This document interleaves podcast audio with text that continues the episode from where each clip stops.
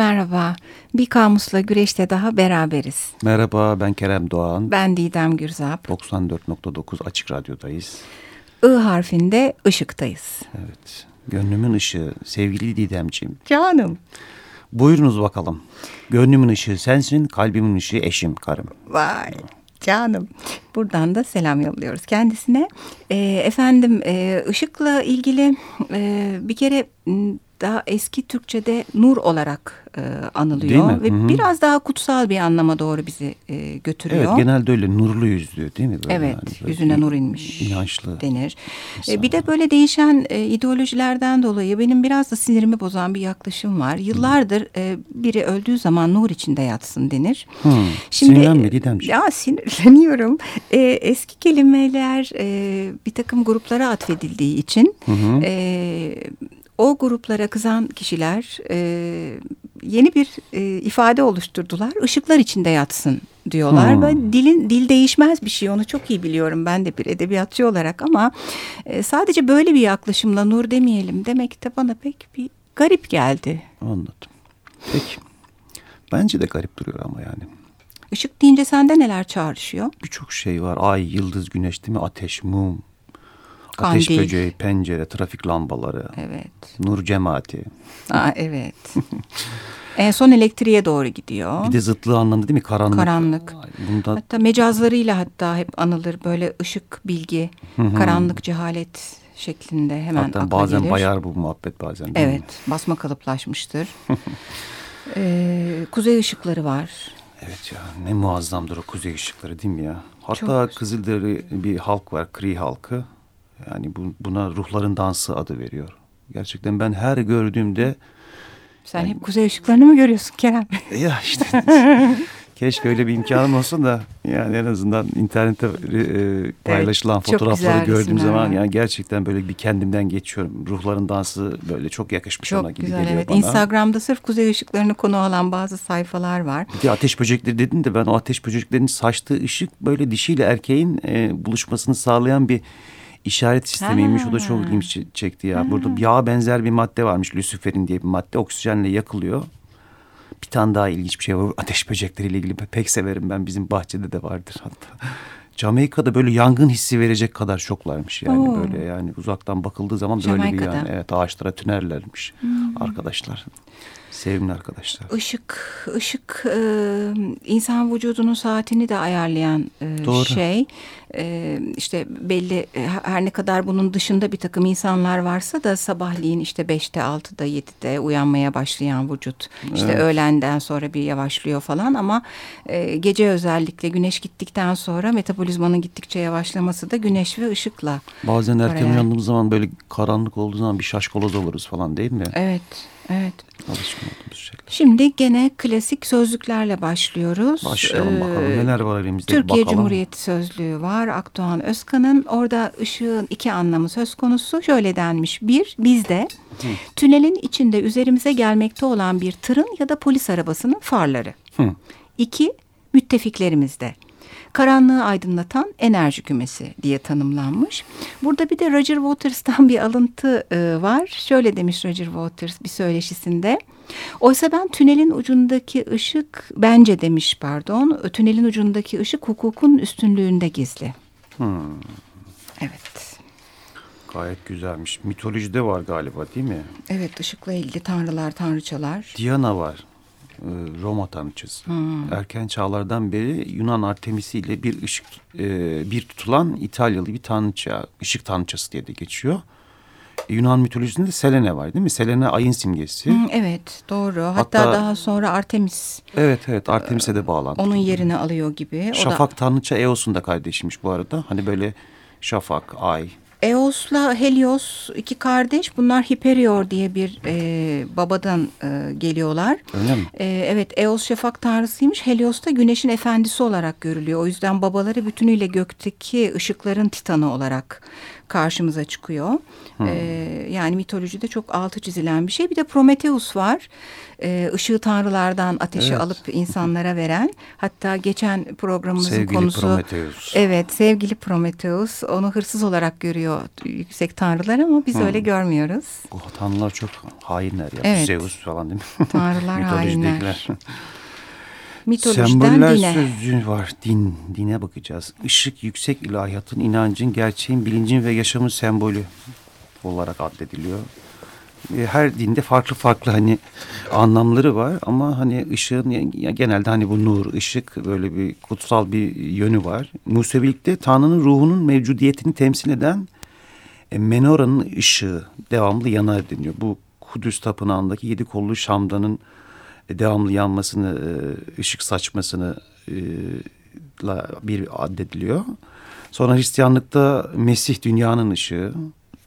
İslam'da Allah gökyüzünün ve yeryüzünün ışığı. Hmm. Ve Masonlukta ışığı almak, yetkin duruma gelmek diye bir durum söz konusu. Hmm. Ee, İslam'da ben ışık dünyevi yaşamın karanlığını değiştiren ilahi bir işarettir. Kur'an'a göre ışık simgesel olarak Muhammed'in doğumu ve ilk vahyin e, işareti, ilk vahyin işareti. Hmm. Burada ilginç bir saptamada bulunmuşlar. E, simgeler sözünde Esat Korkmaz'da. E, ben de hani düşününce Aa, evet olabilir diye düşündüm. Güneş Neymiş? ve ay arasındaki fark anlamında. İslam'da. E, güneş çok tanrıcılıkta tapınma konusu yapıldığı için hmm. özellikle İslam'da e, olumsuzlanıyor. Hatta bu hmm. tapınmadan sakınma için sabah namazı güneş doğmadan önce akşam namazı ise güneş battıktan sonra kılınıyor. Aa, ay evet, ay İslami yaşamda güneşten daha önemli diyor burada yazar. Hmm. Işığı ile zamanı gösteren bir simge.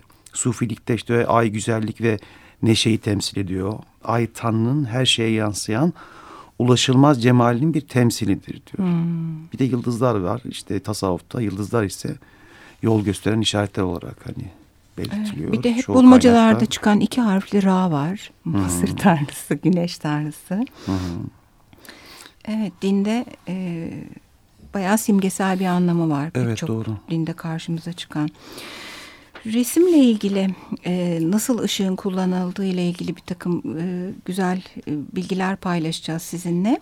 En başında aslında Kerem'in güzel bir yaklaşımı vardı. Onunla Kendi yaklaşımı gerçi bu ama ışığın evet. bir dönüşümü var değil mi? Hani resimlerde de bunu algılayabiliyoruz gibi geldi bana. İşte ortaçağ resimlerine bakıyoruz onun öncesindeki vesaire değil mi?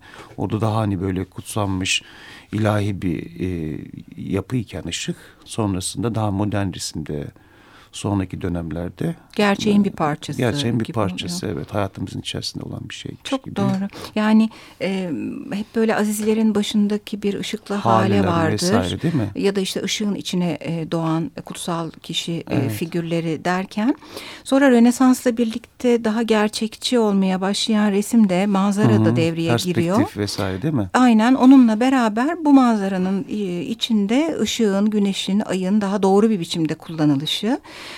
e, ve asıl barokta e, gerçekten dramatik etki yaratan e, çok hmm. tanınmış olan barok ressamlarının ışığı nasıl kullandıklarıyla aslında e, anıldıklarını biliyoruz. Hmm. E, Rembrandt e, karanlığın içinden çıkan ışığın etkisini çok güzel kullanan Muhteşem ressamlardan biri. E, keza Vermeer e, sürekli pencereden vuran bir ışık vardır onun kahramanlarına. İkisi de Hollandalıydı sanki değil mi? Evet ikisi de Hollandalı. Hollanda resmini de çok severim parantez içinde. E, inci küpeli kızı vardır meşhur. Aslında bir tek o inci küpeli kız yoktur. Filmi de yapılan pek çok inci küpeli kız tablosu var ve hepsinde de o inci küpenin üstüne bir ışık düşürür Vermeer. Hmm. E, keza Caravaggio e, gölgenin ve ışığın efendisi olarak anılıyor resim tarihinde. O da dramatik etkiyi çok kuvvetli gölgenin veriyor. Gölgenin ve ışığın, ışığın efendisi. Evet. E, özellikle e, nereye ışığı vurduruyorsa onunla bir şey söylemeye çalışıyor. Zaten sonrasında gelen Caravaggio'cular da aynı anlayışı sürdürüyorlar. Hı hı. E, internete girip e, adları yazdığımızda çıkan tablolar bile hani çok önemli bir kitaba bakılmasa bile bu ışığın etkisini bize e, gösterecektir. Şimdi bir şarkı arası verelim. Verelim. Ceylan Ertem'den dinliyoruz. Odalarda ışıksızım.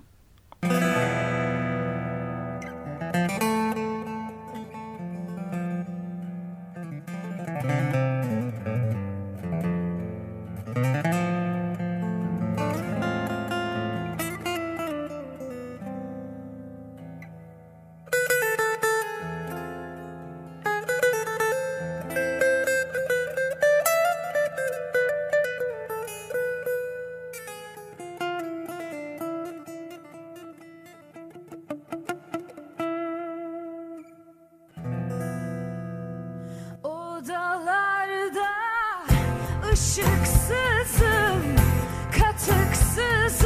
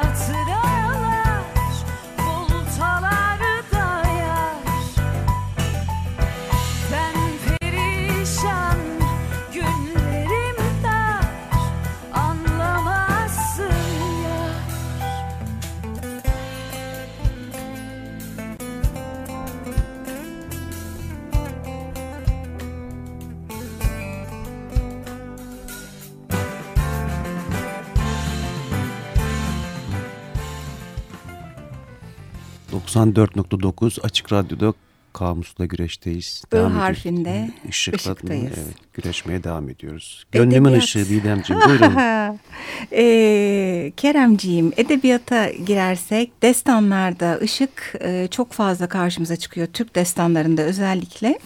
E, en bilinen destanlardan Oğuz Kağan'da mesela Oğuz Kağan'ın ilk eşi gökten bir e, ışık içerisinde e, geliyor. Öyle mi? Keza evet ordulara yol gösteren bir kurt var. Bu ışıktan gelen hı hı. bir kurt aynı zamanda. Keza çok fazla bu destanları ve Türk yaşantısını etkileyen şamanizmde uçmak adı verilen cennetin de 17 katı var ve böyle her bir kat yukarı çıkılırken gittikçe ışık ve aydınlık artıyor o katlarda. Hmm. Güzelmiş. Ee, gene Uygur destanlarında Bögü Kağan diye bir Kağan ve kardeşleri var. Hepsi ışıktan doğuyorlar. Ee, çok fazla e, kullanılan bir öğe. Ee, bunun dışında biraz daha yeni edebiyata gelecek olursak e, hatta e, arada tasavvufu ve divan edebiyatını da analım.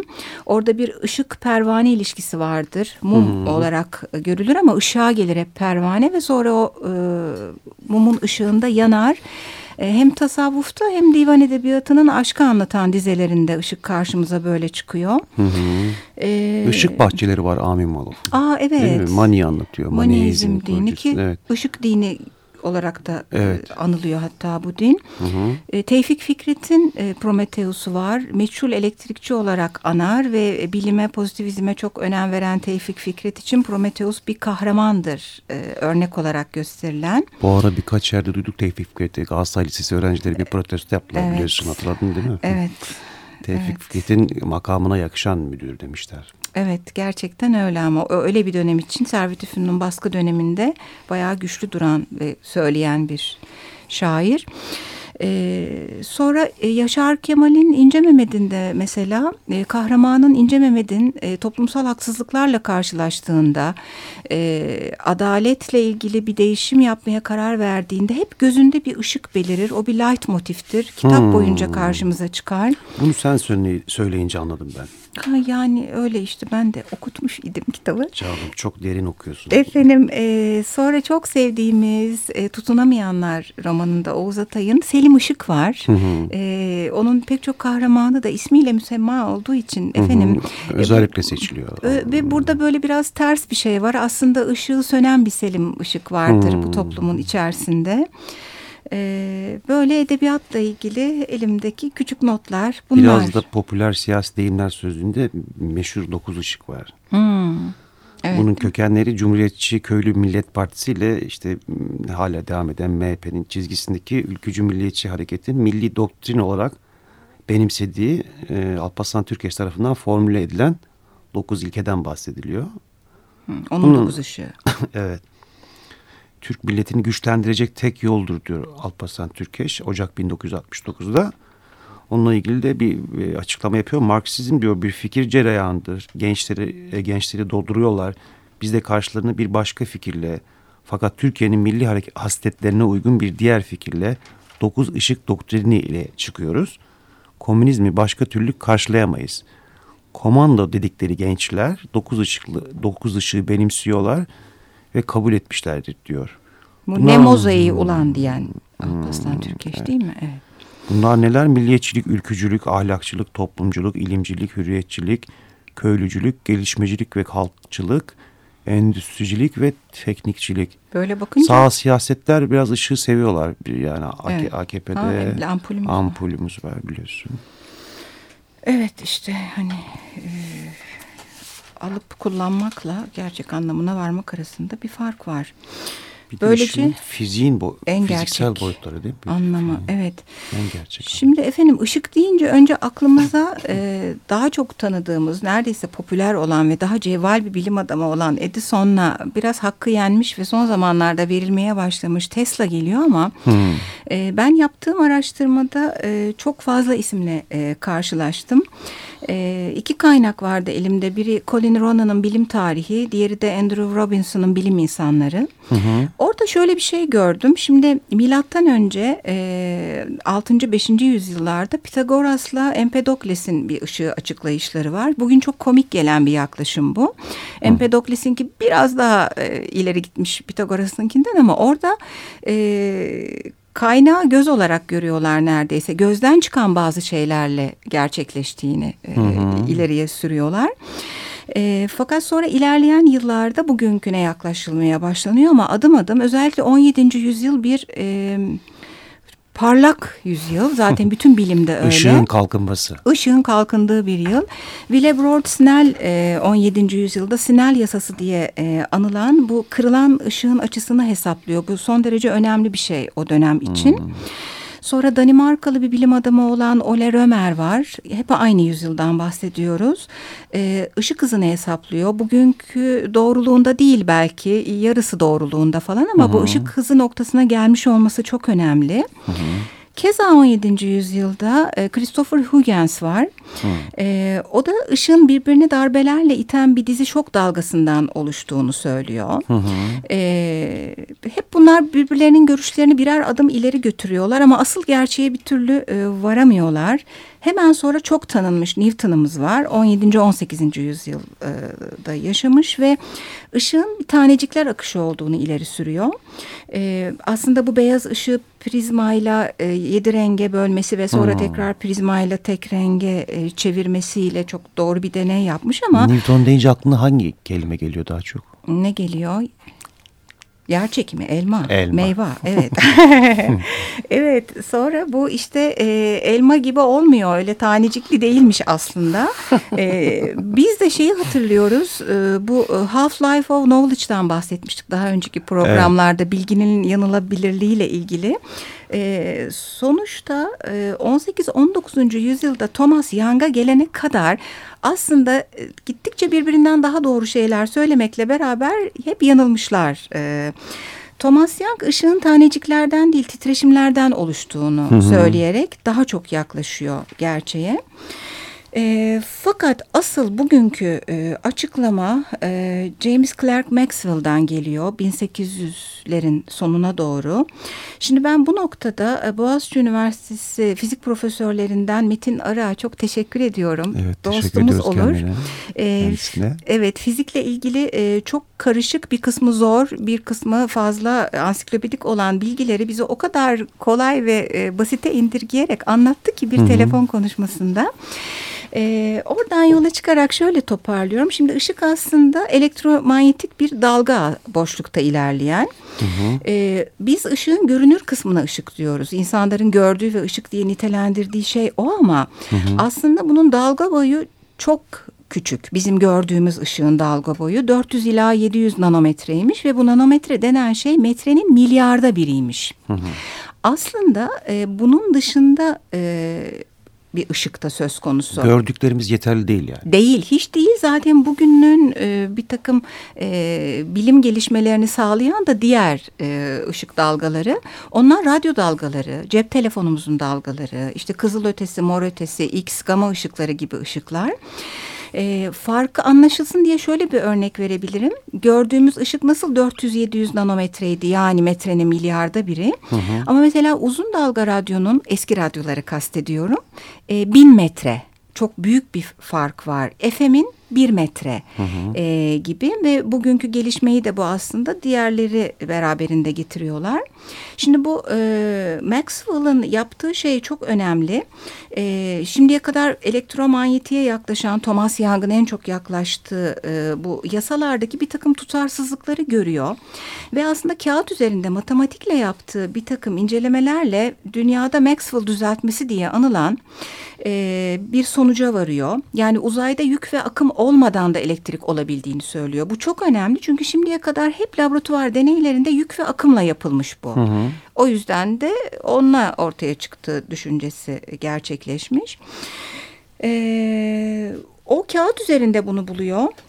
Ee, ve ışık hızına da bizi götüren sonra e, Einstein'ı efendim e, Poincaré'yi e, izafiyet teorisine doğru götüren düşünce bu. Daha sonra Hertz, e, Heinrich Hertz'ti yanılmıyorsam. Kilohertz'ten evet, evet. bildiğimiz Hertz. E, bu sefer laboratuvarda ben bunu yaparım diyor. Çünkü hatırlarsak Maxwell kağıt üzerinde e, becermişti bunu. Ve yapıyor da. Ve bugünkü radyonun keşfi için en büyük adımı atmış oluyor. 1888'den bahsediyorum. E, Metin Bey'in, Metin Arık'ın elektromanyetik medeniyet dediği şey bu. Öyle bir tırnak içinde andı ve benim de çok hoşuma gitti e, ifade. E, çok önemli isimler bunlar ışıkta. Tek bir son bilgi veriyorum. Ee, Hintli 1930 Nobel'ini e, alan e, Chandraskar Venkata Raman var. 20. yüzyıl bilim adamı. Hı hı. E, o da e, Raman saçılması, Raman spektrumu denilen bir şeyi buluyor ve maddenin moleküler yapısının tanımlanmasında çok büyük bir etkisi oluyor e, Raman'ın. E, ayrıntısına girmeyeyim zaten çok da vakıf olmadığım bir konuda ama bayağı, önemli bir isim. Işığı bayağı dönüştürdün Didemciğim çok güzel anlattın. Efendim sağ olsun yardımcı olanlar. Bir de mimaride var değil mi? Çok evet. enteresan binalar var. Ben mesela şeyi gördüm. Pekin e, Olimpiyat Stadyumu. Hmm. Çok İnanılmaz, ışıklı. Ulusal stadyumu inanılmaz. Aslını görmedin değil mi? Yok canım.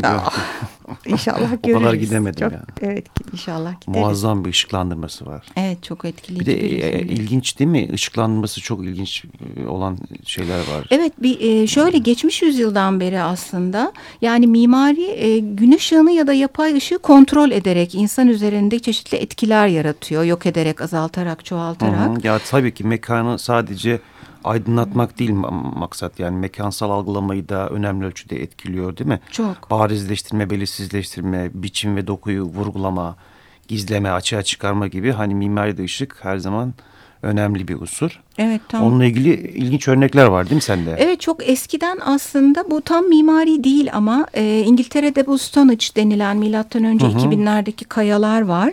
Yani nereden nereye geldiğini görüyoruz. Tabii ki onlara da mimari bir yapılanma demek mümkün. Yaz dönencesinde güneşin doğduğu zamana göre e, ayarlanmış onlar. Keza İrlanda'da Newgrange denilen hı hı. binalarda kış dönencesine göre ayarlanmışlar. O dönemlerde ışığın böyle daha kutsal bir anlamı olduğu için doğu doğuşu ve batışı ile ilgili buraların hı hı. çünkü o dönemin tapınakları olduğu düşünülüyor. Bir yapılanma söz konusu. Sonra eski Mısır'da Abu Zimmel, e, Ebu Zimmel diye de anılıyor bir tapınak var. İkinci Ramses'e ait. Çok hı hı. olağanüstü etkileyici bir yer. E, orada ışıkla ilgili çok ilginç bir şey yapılmış. Bir kapı var. E, o kapıdan sadece yılın iki günü 22 Ekim ve 22 Şubat'ta giren gün ışığı içerideki ikinci Ramses heykelini aydınlatıyor. Ee, ben o dönemde görmemiş idim ama o dönemde çok turistler dolduruyormuş orayı. Günün e, yılın iki gününü hesaplamışlar ve güneşi tam adamın doğduğu ve e, kraliyet tacını giydiği gün içeri sokacak biçimde. Çok güzel. Panteon mu vardı bir de? Evet Panteon var. Ee, ışığın e, girip yansıdığı yerler e, çok önemli. Bir de internet geyiği var galiba. Böyle hani Ne? Atatürk'ün sürliyetin belli günlerde. Ha hani gün görün- ışığıyla evet Ee, evet bir dağda falan. O hep mi Evet. çıkıyormuş? Ben onu bir kere çıktı sanıyordum. Yo, hep çıkıyormuş ya. Onu, onu bir aydınlatmak lazım. Oraya bir ışığı tutalım Evet. diyerekten. Bence Şöyle, programımızı ben bitirelim mi? Hemen bir şey bitirme. Ben sürekli uzatmak istiyorum programı. Söyleyeceğim. Ber- Berlin parlamentosu e, benim ilgimi çekmişti çok. E, Hitler dönemindeki aşırı baskı ve diktanın ardından e, sonra müthiş bir şeffaflaşma dönemi başlıyor devrildikten sonra ve Hı hı. çok fazla şeffaf bina tren istasyonu yapılıyor. Parlamento da o yüzden bütünüyle şeffaf. Keza endüstri devrimi sonrası Londra'da yapılan Crystal Palace aynı Hı. şekilde. Futbol takımı da var. A Crystal Palace diye sen bana söylemiştin. En son Osaka'daki Tadao Ando'nun ışık kilisesini anmak istiyorum. Zaten Ando mimar, ışık tüm varlıkların kökenidir. Bu dünyayı oluşturan ilişkilerin yaratıcısı olan ışık, dünyayı sürekli olarak yeniden keşfeder demiş. Mimarlar da böyle yeniden keşfede keşfede bir sürü bina yapmışlar. Gönlümün ışığı bitiriyoruz. Kamusla güreşi. Haftaya görüşmek üzere. Hoşçakalın. İyi haftalar.